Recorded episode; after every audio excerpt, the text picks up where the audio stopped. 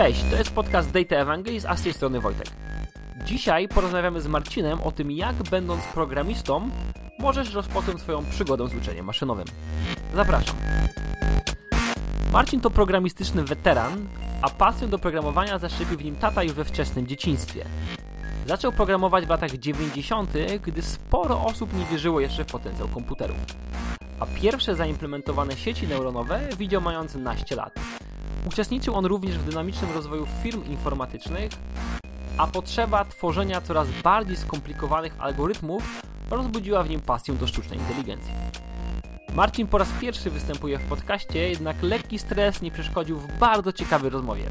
Zatem nie przedłużając, posłuchajcie.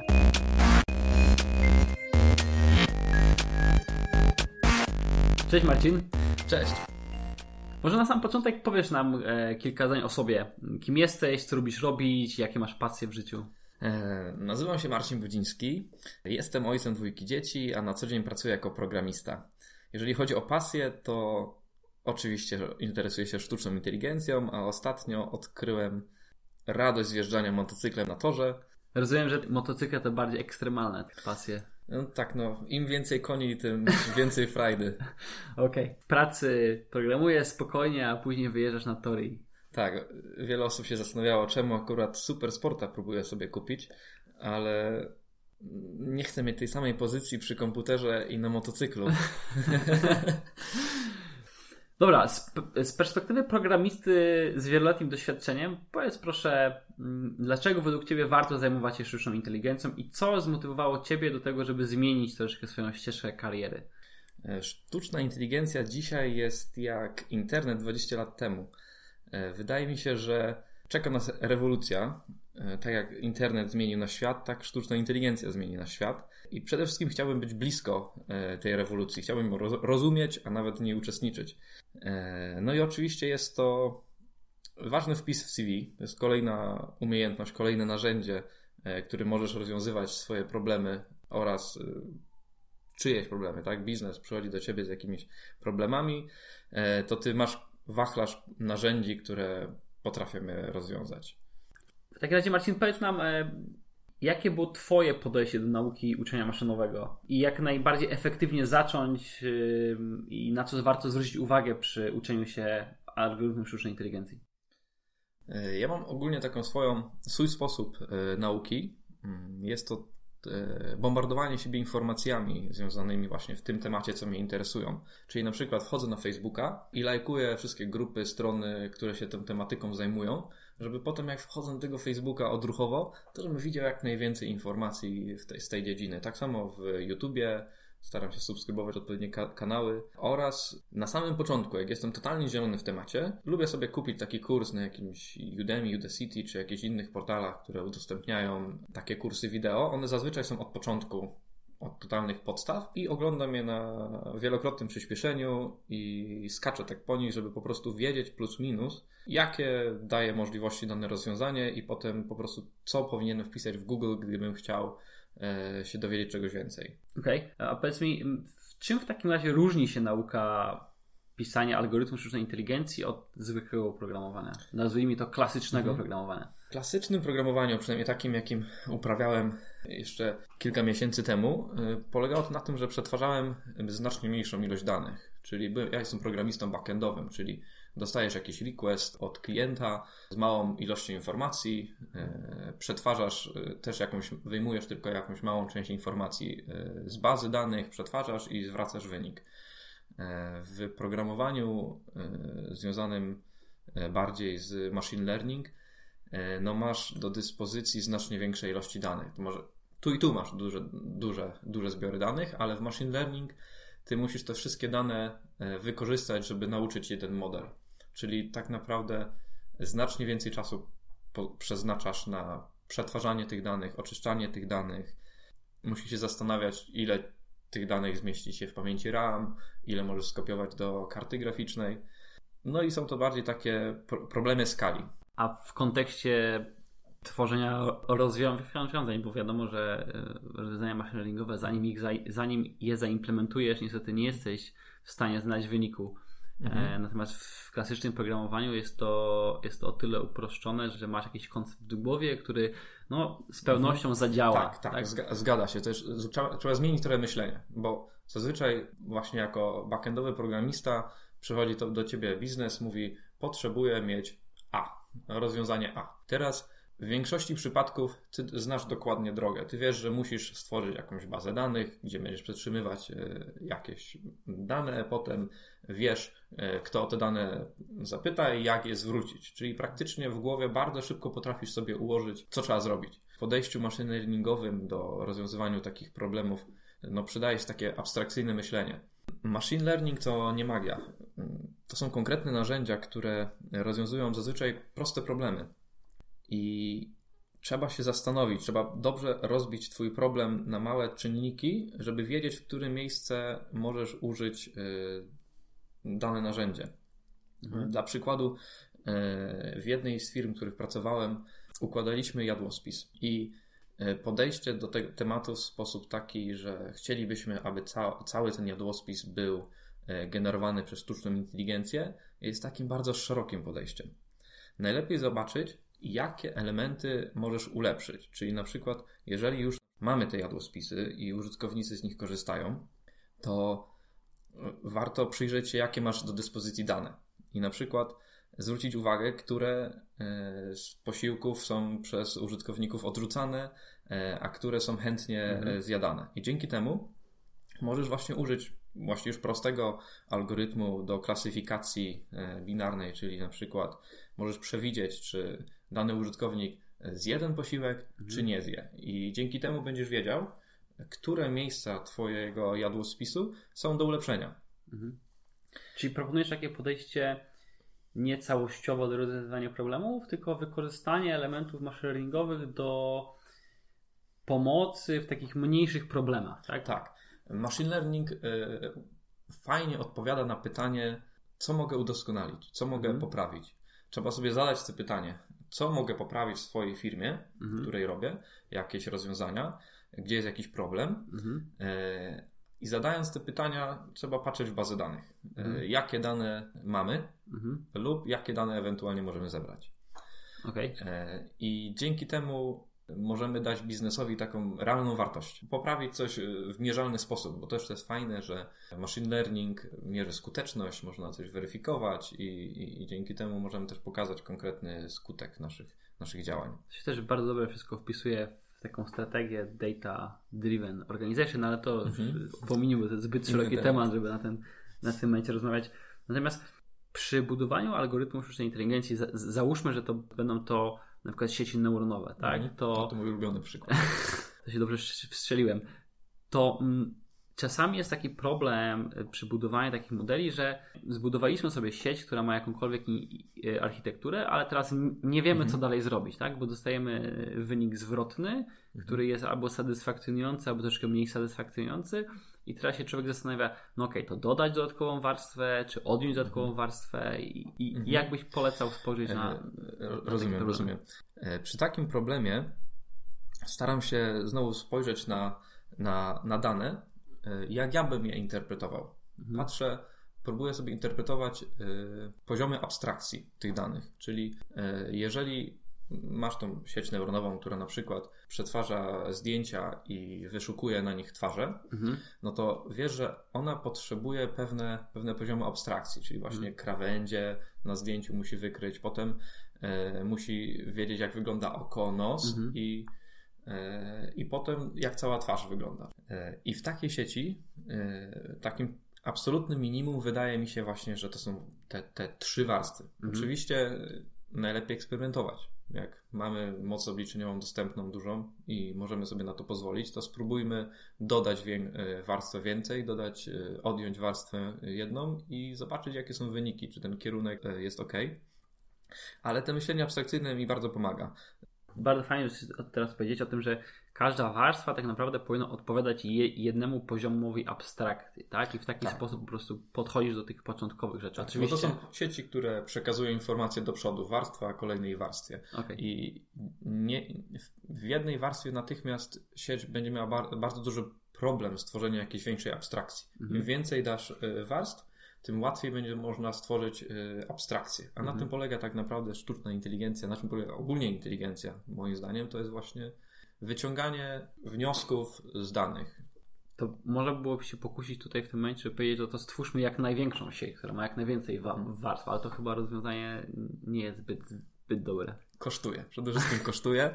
Im więcej dodamy tych neuronów, im więcej dodamy tych warstw, y, napotkamy jakiś problem w postaci albo takim, że okazuje się, że model nie jest w stanie się zaalokować na karcie graficznej, albo uczenie jest zbyt czasochłonne. Więc oczywiście musimy to robić y, z rozwagą, Wyznaje zasadę złotego środka, tak? Czyli Szukać, szukać, Szukać. tego zło- złotego środka. Oczywiście każdy problem jest inny. Jeżeli ktoś ma do dyspozycji chmurę i dla niego wyrzucenie tysiąca dolarów na, e, na godzinę nie jest problemem, to może sobie eksperymentować. Jeżeli ktoś ma do dyspozycji laptopa e, z małą kartą graficzną, tylko jakieś 2 GB danych, no to wiadomo, że jest mocno ogr- ograniczony. Przejdźmy teraz do e, pytania, skąd dobrze czerpać wiedzę. Na samym początku powiedziałeś, że sobie lajkujesz fanpage, subskrybujesz odpowiednie kanały na YouTubie i to ci pozwala background informacyjny zbudować. Ale jakbyś mógł powiedzieć troszkę bardziej o tym, w jaki sposób taką rzetelną, programistyczną lub teoretyczną wiedzę pierwszy lub czerpałeś. I takie dodatkowe pytanie, jak zachować jakiś zdrowy balans między teoretyczną wiedzą, a praktyczną, którą e, się na samym początku zdobywa? No na początku za, zawsze lepiej zacząć od teorii. Teoria jest potrzebna przede wszystkim po to, aby stworzyć sobie taką w głowie taką mapę tematów, które będziesz wiedział, że, że są po prostu. Czyli trafisz na jakiś problem, zapali ci się e, żaróweczka w głowie, a tutaj był taki temat e, poruszany, no i teraz wpisujesz to do Google'a. To jest oczywiście pierwsza i najlepsza metoda szukania informacji. No i tu można się wiele dowiedzieć. I teraz w zależności od tego problemu. Jeżeli problem jest, nie wiem, mówiliśmy o tych sieciach neuronowych i używamy przykład biblioteki Keras, no to zac- zacząć najlepiej od dokumentacji. Co ludzie piszą na forach, oczywiście Stack Overflow, ale to jeżeli słuchają nas programiści, to chyba nie trzeba wspominać. Ale kiedy zbudujemy sobie już taką mapę e, tych tematów w głowie i będziemy mniej więcej rozumieć każdy artykuł, który czytamy w, mm, w tej dziedzinie sztucznej inteligencji, e, to to jest odpowiedni moment, aby zacząć już eksperymentować. E, ja jestem zwolennikiem tego, aby zaczynać od tego, co Cię najbardziej pasjonuje. Mhm. Czyli na przykład mnie zafascynował, jeśli dobrze pamiętam nazwę, DeepMind, który wydał algorytmy reinforcement learning, które same grają e, w gry komputerowe na Atari. No i jak zobaczyłem, że e, udostępniają takie środowisko, które można sobie te wszystkie gry uruchomić i Mhm. eksperymentować, no to trudno było mi nawet się nie oprzeć. E, uruchomiłem to całe środowisko na swoim komputerze i eksperymentowałem. Na początku to jest trudne, dlatego polecam tak naprawdę skakać po GitHubie, patrzeć na Mhm. gotowe rozwiązania i eksperymentować sobie z już napisanym kodem. Mhm. Wejść sobie w konkretną linijkę, zobaczyć co ona robi, e, wypluć sobie, zapisać sobie jakiś obrazek, który aktualnie się dzieje w czasie gry. E, Jeżeli masz jakieś pytania, e, przeanalizuj ten skrypt od początku do końca, a potem spróbuj napisać własny albo jakąś wariację tego, Mhm. tego, co ktoś napisał. I to jest bardzo fajne, kiedy mogłem sobie odpalić jakiś taki skrypt, pozmieniałem parę rzeczy, odpuściłem uczenie, w- przychodzę za 3 godziny, okazało się, że sieć nauczyła się, e, że nie warto odbijać piłeczki na starcie e, w ping-ponga, bo zaraz dostaje minusową karę, że, że, że nie odbiła piłki, bo jeszcze nie umiała grać. Okej. E, I nauczyłem sieć nie grać. Czasami lepiej nie grać niż, gra, niż grać. Jesteśmy po mistrzostwach świata, także w naszej perspektywie to może jest do, dość ważny aspekt. W jakie w takim razie rzeczy sprawiły Ci największą trudność, a które wydawały się takie dość skomplikowane, a okazało się, że nie taki wilk straszny, jak go malują, chyba jest takie powiedzenie. Aha. Jeżeli chodzi o trudności, to nie jest prawdą, że programista musi być dobry z matematyki. Już y, 12 lat programuję, a tak naprawdę matematyki używałem bardzo sporadycznie. No i właśnie do czasu, kiedy zacząłem się interesować tematami machine learning i okazało się, że machine learning to jest takie, takie trochę dwa światy. Z jednej strony mamy świat y, deweloperów, którzy to kodują, tworzą biblioteki i tak dalej, a z drugiej strony mają mamy świat y, matematyków, teoretyków, którzy, i oba te światy są bardzo mocno rozwinięte już. Matematyka jest bardzo mocno rozwinięta, świat deweloperski jest mocno rozwinięty i teraz każdy rozmawia w swoim języku. Mhm. Jeżeli ja czytam kod, to ja nie mam problemu ze zrozumieniem nawet wzorów matematycznych, Mhm. a jak przełączałem się na tą teorię i czytałem jakieś dokumenty e, wy- wydane na, na, na różnych uczelniach, które były po prostu mm, zasypywały mnie tymi wzorami matematycznymi, to na początku było to dla mnie bardzo ciężkie. Musiałem sobie to wszystko Mhm. przypomnieć, wrócić do, do podstaw e, i, i wszystkie te symbole, które tam się pojawiały, przypomnieć co oznaczają e, oraz takie podstawy jak jakieś rozłożenie liczb losowych i, i różne jakieś hasła, które używają mm, ci teoretycy dosyć e, naturalnie, dla mnie one nie były naturalne i Mhm. musiałem sobie to wszystko trochę przypomnieć. Tutaj oczywiście Wikipedia chyba najlepszym, najlepszym e, źródłem, tak, pomocnikiem. A to było proste. Proste, no, no ja jestem z tego świata deweloperskiego, czyli wydawało mi się na początku, że to wszystko jest, to, to jest tak jakaś, taka, taka czarna magia, nie? że o ja, jak to się dzieje, że tutaj jest obrazek i zaraz tutaj wiemy, co się na nim znajduje, albo jeszcze lepiej e, algorytm potrafi go zdaniem opisać, co na tym e, obrazku się znajduje.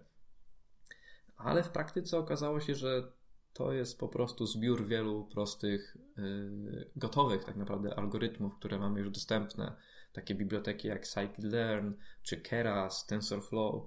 One wszystkie mają bardzo, y, bardzo przyjemne API Mhm. y, i łatwo się z nich korzysta. I tak naprawdę, jeżeli całą tą teorię się plus minus zrozumie, realizowanie takich pomysłów może być czasami bardzo proste.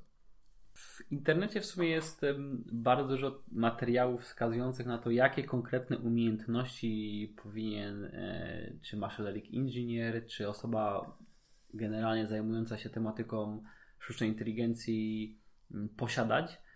I tak z Twojego punktu widzenia, czy to rzeczywiście jest odzwierciedlenie prawdy, czy, czy mógłbyś wskazać jakieś elementy, które byś dodał do tej listy, albo byś odjął od tej listy?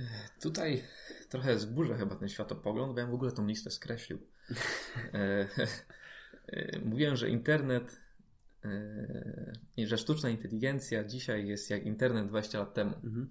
12 lat temu, za- zaczynałem pracę, Mhm. e, to byłem na stanowisku tak zwanym webmaster. Mhm. Czyli wszystko robiłem.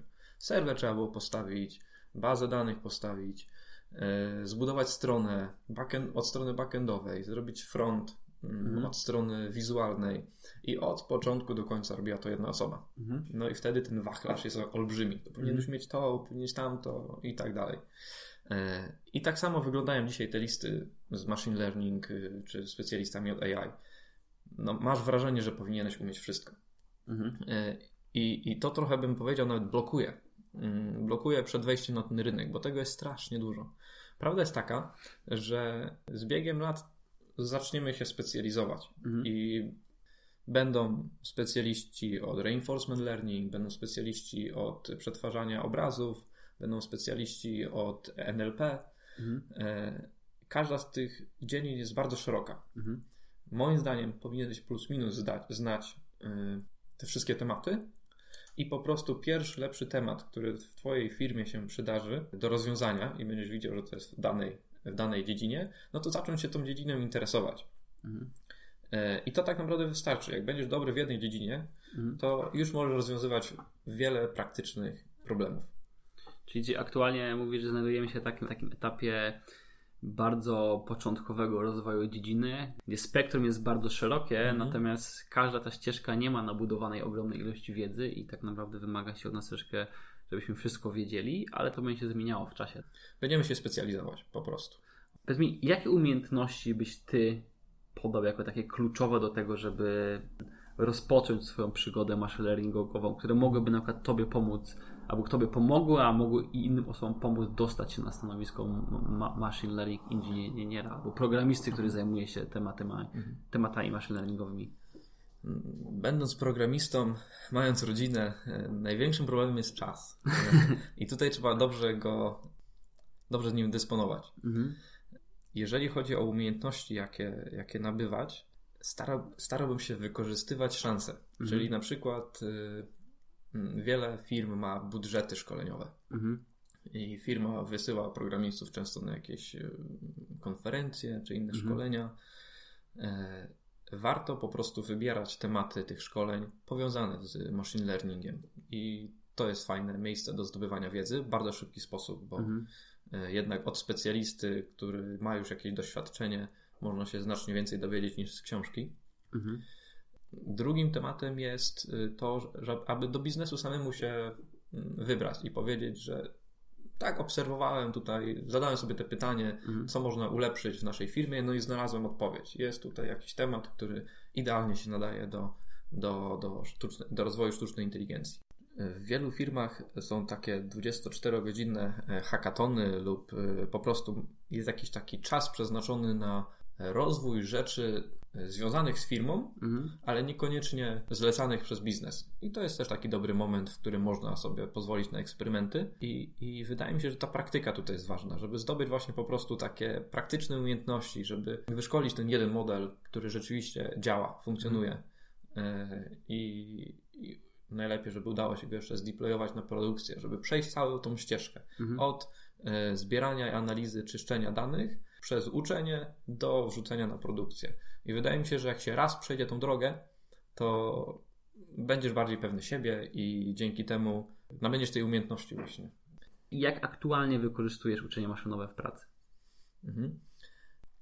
E, najświeższym takim tematem to teraz e, analizuję tekst, czyli takie NLP. Mhm. I mieliśmy różne podejścia do, do, do analizy tekstu, takie tematy jak bug of words, mhm. E, czy zastanawialiśmy się nad tym e, algorytmem word to vector mhm. E, i ostatecznie tutaj skupiliśmy się na tym wariacji mm, tego worka słów.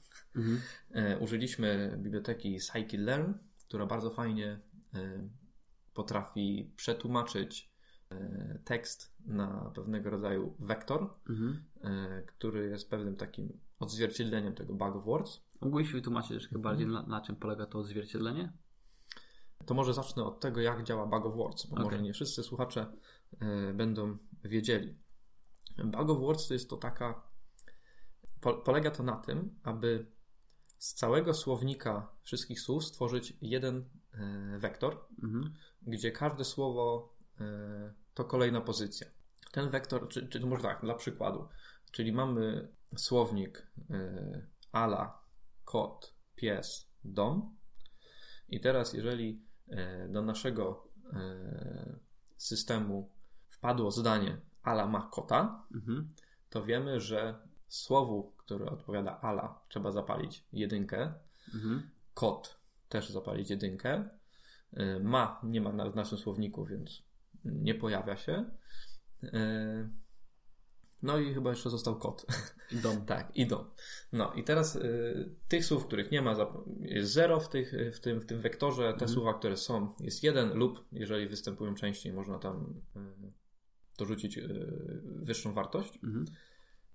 No i problem tego rozwiązania jest taki, że jeżeli mamy duży słownik, ten wektor może być olbrzymi. Okay. E, I tutaj z pomocą przychodzi nam biblioteka właśnie scikit-learn, która wykorzystuje sztuczkę hashingową i ona potrafi tekst zhaszować i zapisać go po prostu w wektorze y, już, już nie y, taki, który zawiera inty, a floaty mhm.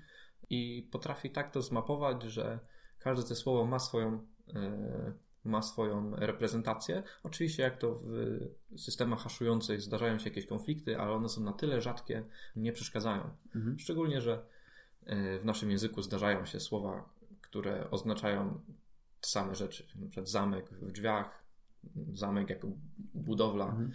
E, więc e, te algorytmy potrafią sobie z tym też poradzić. Okay. To wracając do gdzie używacie tego, mówisz, że aktualnie pracujesz nad rozwiązaniami NLP, ale do jakich problemów używasz tego? Na ten moment e, zwykła klasyfikacja. Okay. Mogę, mogę powiedzieć też o takim pierwszym zderzeniu mhm. z, z, tym, z tym tematem w troszeczkę większej skali tak jak mówiłem na początku, że pracuje się z, większy, z większą ilością danych. Nie, nie ukrywam, ta ilość danych potrafi czasami zaskoczyć. Wydawało mi się, że tą bazę danych, którą posiadamy, będę w stanie ze spokojem przetworzyć na, na jednym komputerze, Mhm. E, ale szybko się okazało, że e, było trzeba walczyć i wykorzystywać każdy jeden rdzeń e, tego procesora, żeby je w jakimś sensownym czasie zakończyć ten temat. No i dzisiaj wiem na przykład, że jeżeli mamy tak duże zbiory danych, warto się zainteresować takimi rozwiązaniami, rozwiązaniami jak Spark, które pomagają rozłożyć e, obliczenia na wiele komputerów. Po Mhm. prostu takie tematy przetwarzania e, równoległego na, na, na wielu e, systemach, na wielu klastrach. E, Jest to temat w machine learning, który na pewno przy większej skali nie ominie Ciebie. Okej, Martin, a w jaki sposób widzisz przyszłość machine learningu i jak Twoim zdaniem będzie rozwijała się ta, ta ścieżka? Czy uważasz, że większość programistów powinna również nabyć troszeczkę Mhm. tych um, informacji o machine learningu? Dobra, to może zacznę od tego drugiego Mhm. pytania. Dzisiaj na rynku już jest problem z programistami. Ofert pracy jest tak dużo, że możemy sobie wybierać firmy dowolnie praktycznie. W każdym mieście coś się znajdzie. Y, I z tego grona specjalistów, którzy się znają y, na machine learning, jest mało. Jest Mhm. naprawdę mało, więc y, tak jak mówiłem na początku, że czeka nas pewnego rodzaju rewolucja i tak jak pokazała tutaj nam historia, że przy takich rewolucjach, y, jak ta rewolucja internetowa, zapotrzebowanie na programistów rośnie z roku na rok i szkoły nie są w stanie zaspokoić tych potrzeb. Mhm. Tak samo wydaje mi się, że będzie tematem sztucznej inteligencji. Tych specjalistów będzie mm, mało, bo to wymaga jeszcze większej wiedzy. Tutaj musisz mieć podstawy właśnie te matematyczne i musisz mieć podstawy e, deweloperskie. Tutaj deweloper, programista ma ten plus, że już, że już posiada te, te umiejętności, czyli tak naprawdę tylko jedną lukę, którą musi uzupełnić i Mhm. już ma większy wachlarz umiejętności, ma lepiej zbudowane CV i firma na pewno będzie patrzeć na niego jako bardziej atrakcyjny kandydat. Więc tak, e, programiści jak najbardziej, jeżeli tylko czują chociaż trochę pasji do tego tematu, powinni tą pasję wykorzystać i, i, i, i rozwinąć e, się w tej dziedzinie. A przyszłość sztucznej, sztucznej inteligencji.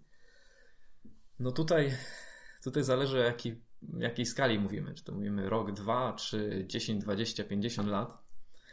E, Przyszłość rysuje się bardzo, bardzo różnie. E, Teraz wiadomo, że będzie taki wybuch tutaj przetwarzania właśnie tych big data, Mhm. e, algorytmów uczących się, właśnie tych prostych, Mhm. jakiejś klasyfikacji, ulepszania jakości usług, Mhm. już jeżdżą, samo jeżdżące auta, które się pojawiły już na, na, na ulicach, może nie naszych, ale, ale już w Teksasie chyba.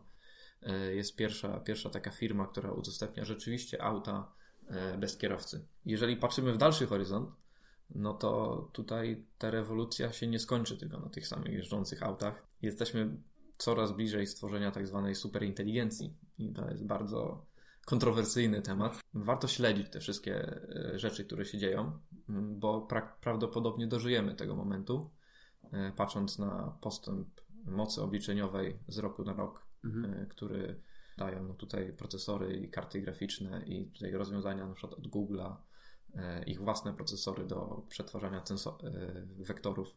Mhm. I na pewno dojdziemy do momentu, w którym będziemy w stanie symulować nasze umysły. I to będzie już tak plus minus, gdyby tak patrzeć na ten postęp w ciągu 50 lat. Więc co się wtedy wydarzy, trudno mi powiedzieć, ale nie chciałbym stać z boku i tego nie rozumieć. Okej. Lepiej być w pociągu niż patrzeć jak odjeżdża Dokładnie. Nie wiem, czy ja miałem wielu takich znajomych e, w, tej, w czasie tej rewolucji internetowej, Mhm. e, co mówi, a tam te komputery, a tam te komputery i, i nie doceniali tego. Nie Mhm. doceniali e, możliwości internetu, jaką, jaką może nam dać Mhm. oraz nie potrafili tego zrozumieć, że każdy będzie miał komputer nie tylko w domu, ale i w kieszeni. Mhm. E, tak dzisiaj sztuczna inteligencja jest czymś podobnym. Mhm. Każdy będzie otoczony tą sztuczną inteligencją, a kto wie, może dojdzie do stworzenia tej superinteligencji i wcale już nie będziemy najbardziej inteligentnymi istotami na świecie. Mam wrażenie, że mm, to jest troszeczkę odległe od nas, ale Chyba rzeczywiście przerażające. wy, wybiegliśmy. No to, prze, to jest, czy przerażające, to, to też jest dyskusyjne. Z pewnością Ale chciałbym myślę, że- scedować parę obowiązków na, na maszynę, która mogłaby za mnie wykonywać e, chociażby przy problemach klasyfikacji naczyń e, w zmywarce.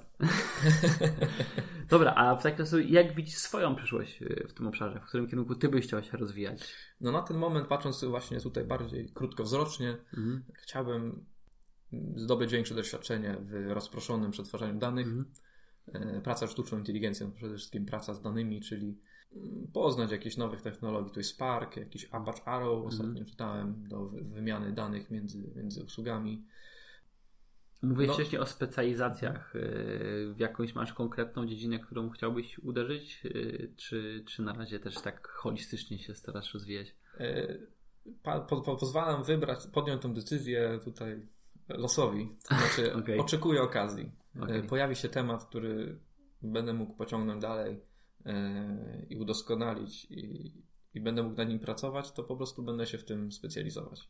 Marcin, to tak tytułem końca już powiedz proszę naszym słuchaczom, w jaki sposób można się z Tobą skontaktować. Jeżeli ktoś by chciał jakiś temat podciągnąć dalej, albo, albo jakąś propozycją wyjść dla Ciebie, to gdzie Ciebie szukać w internecie? Myślę, że jeżeli w takich e, biznesowych tematach, to oczywiście LinkedIn.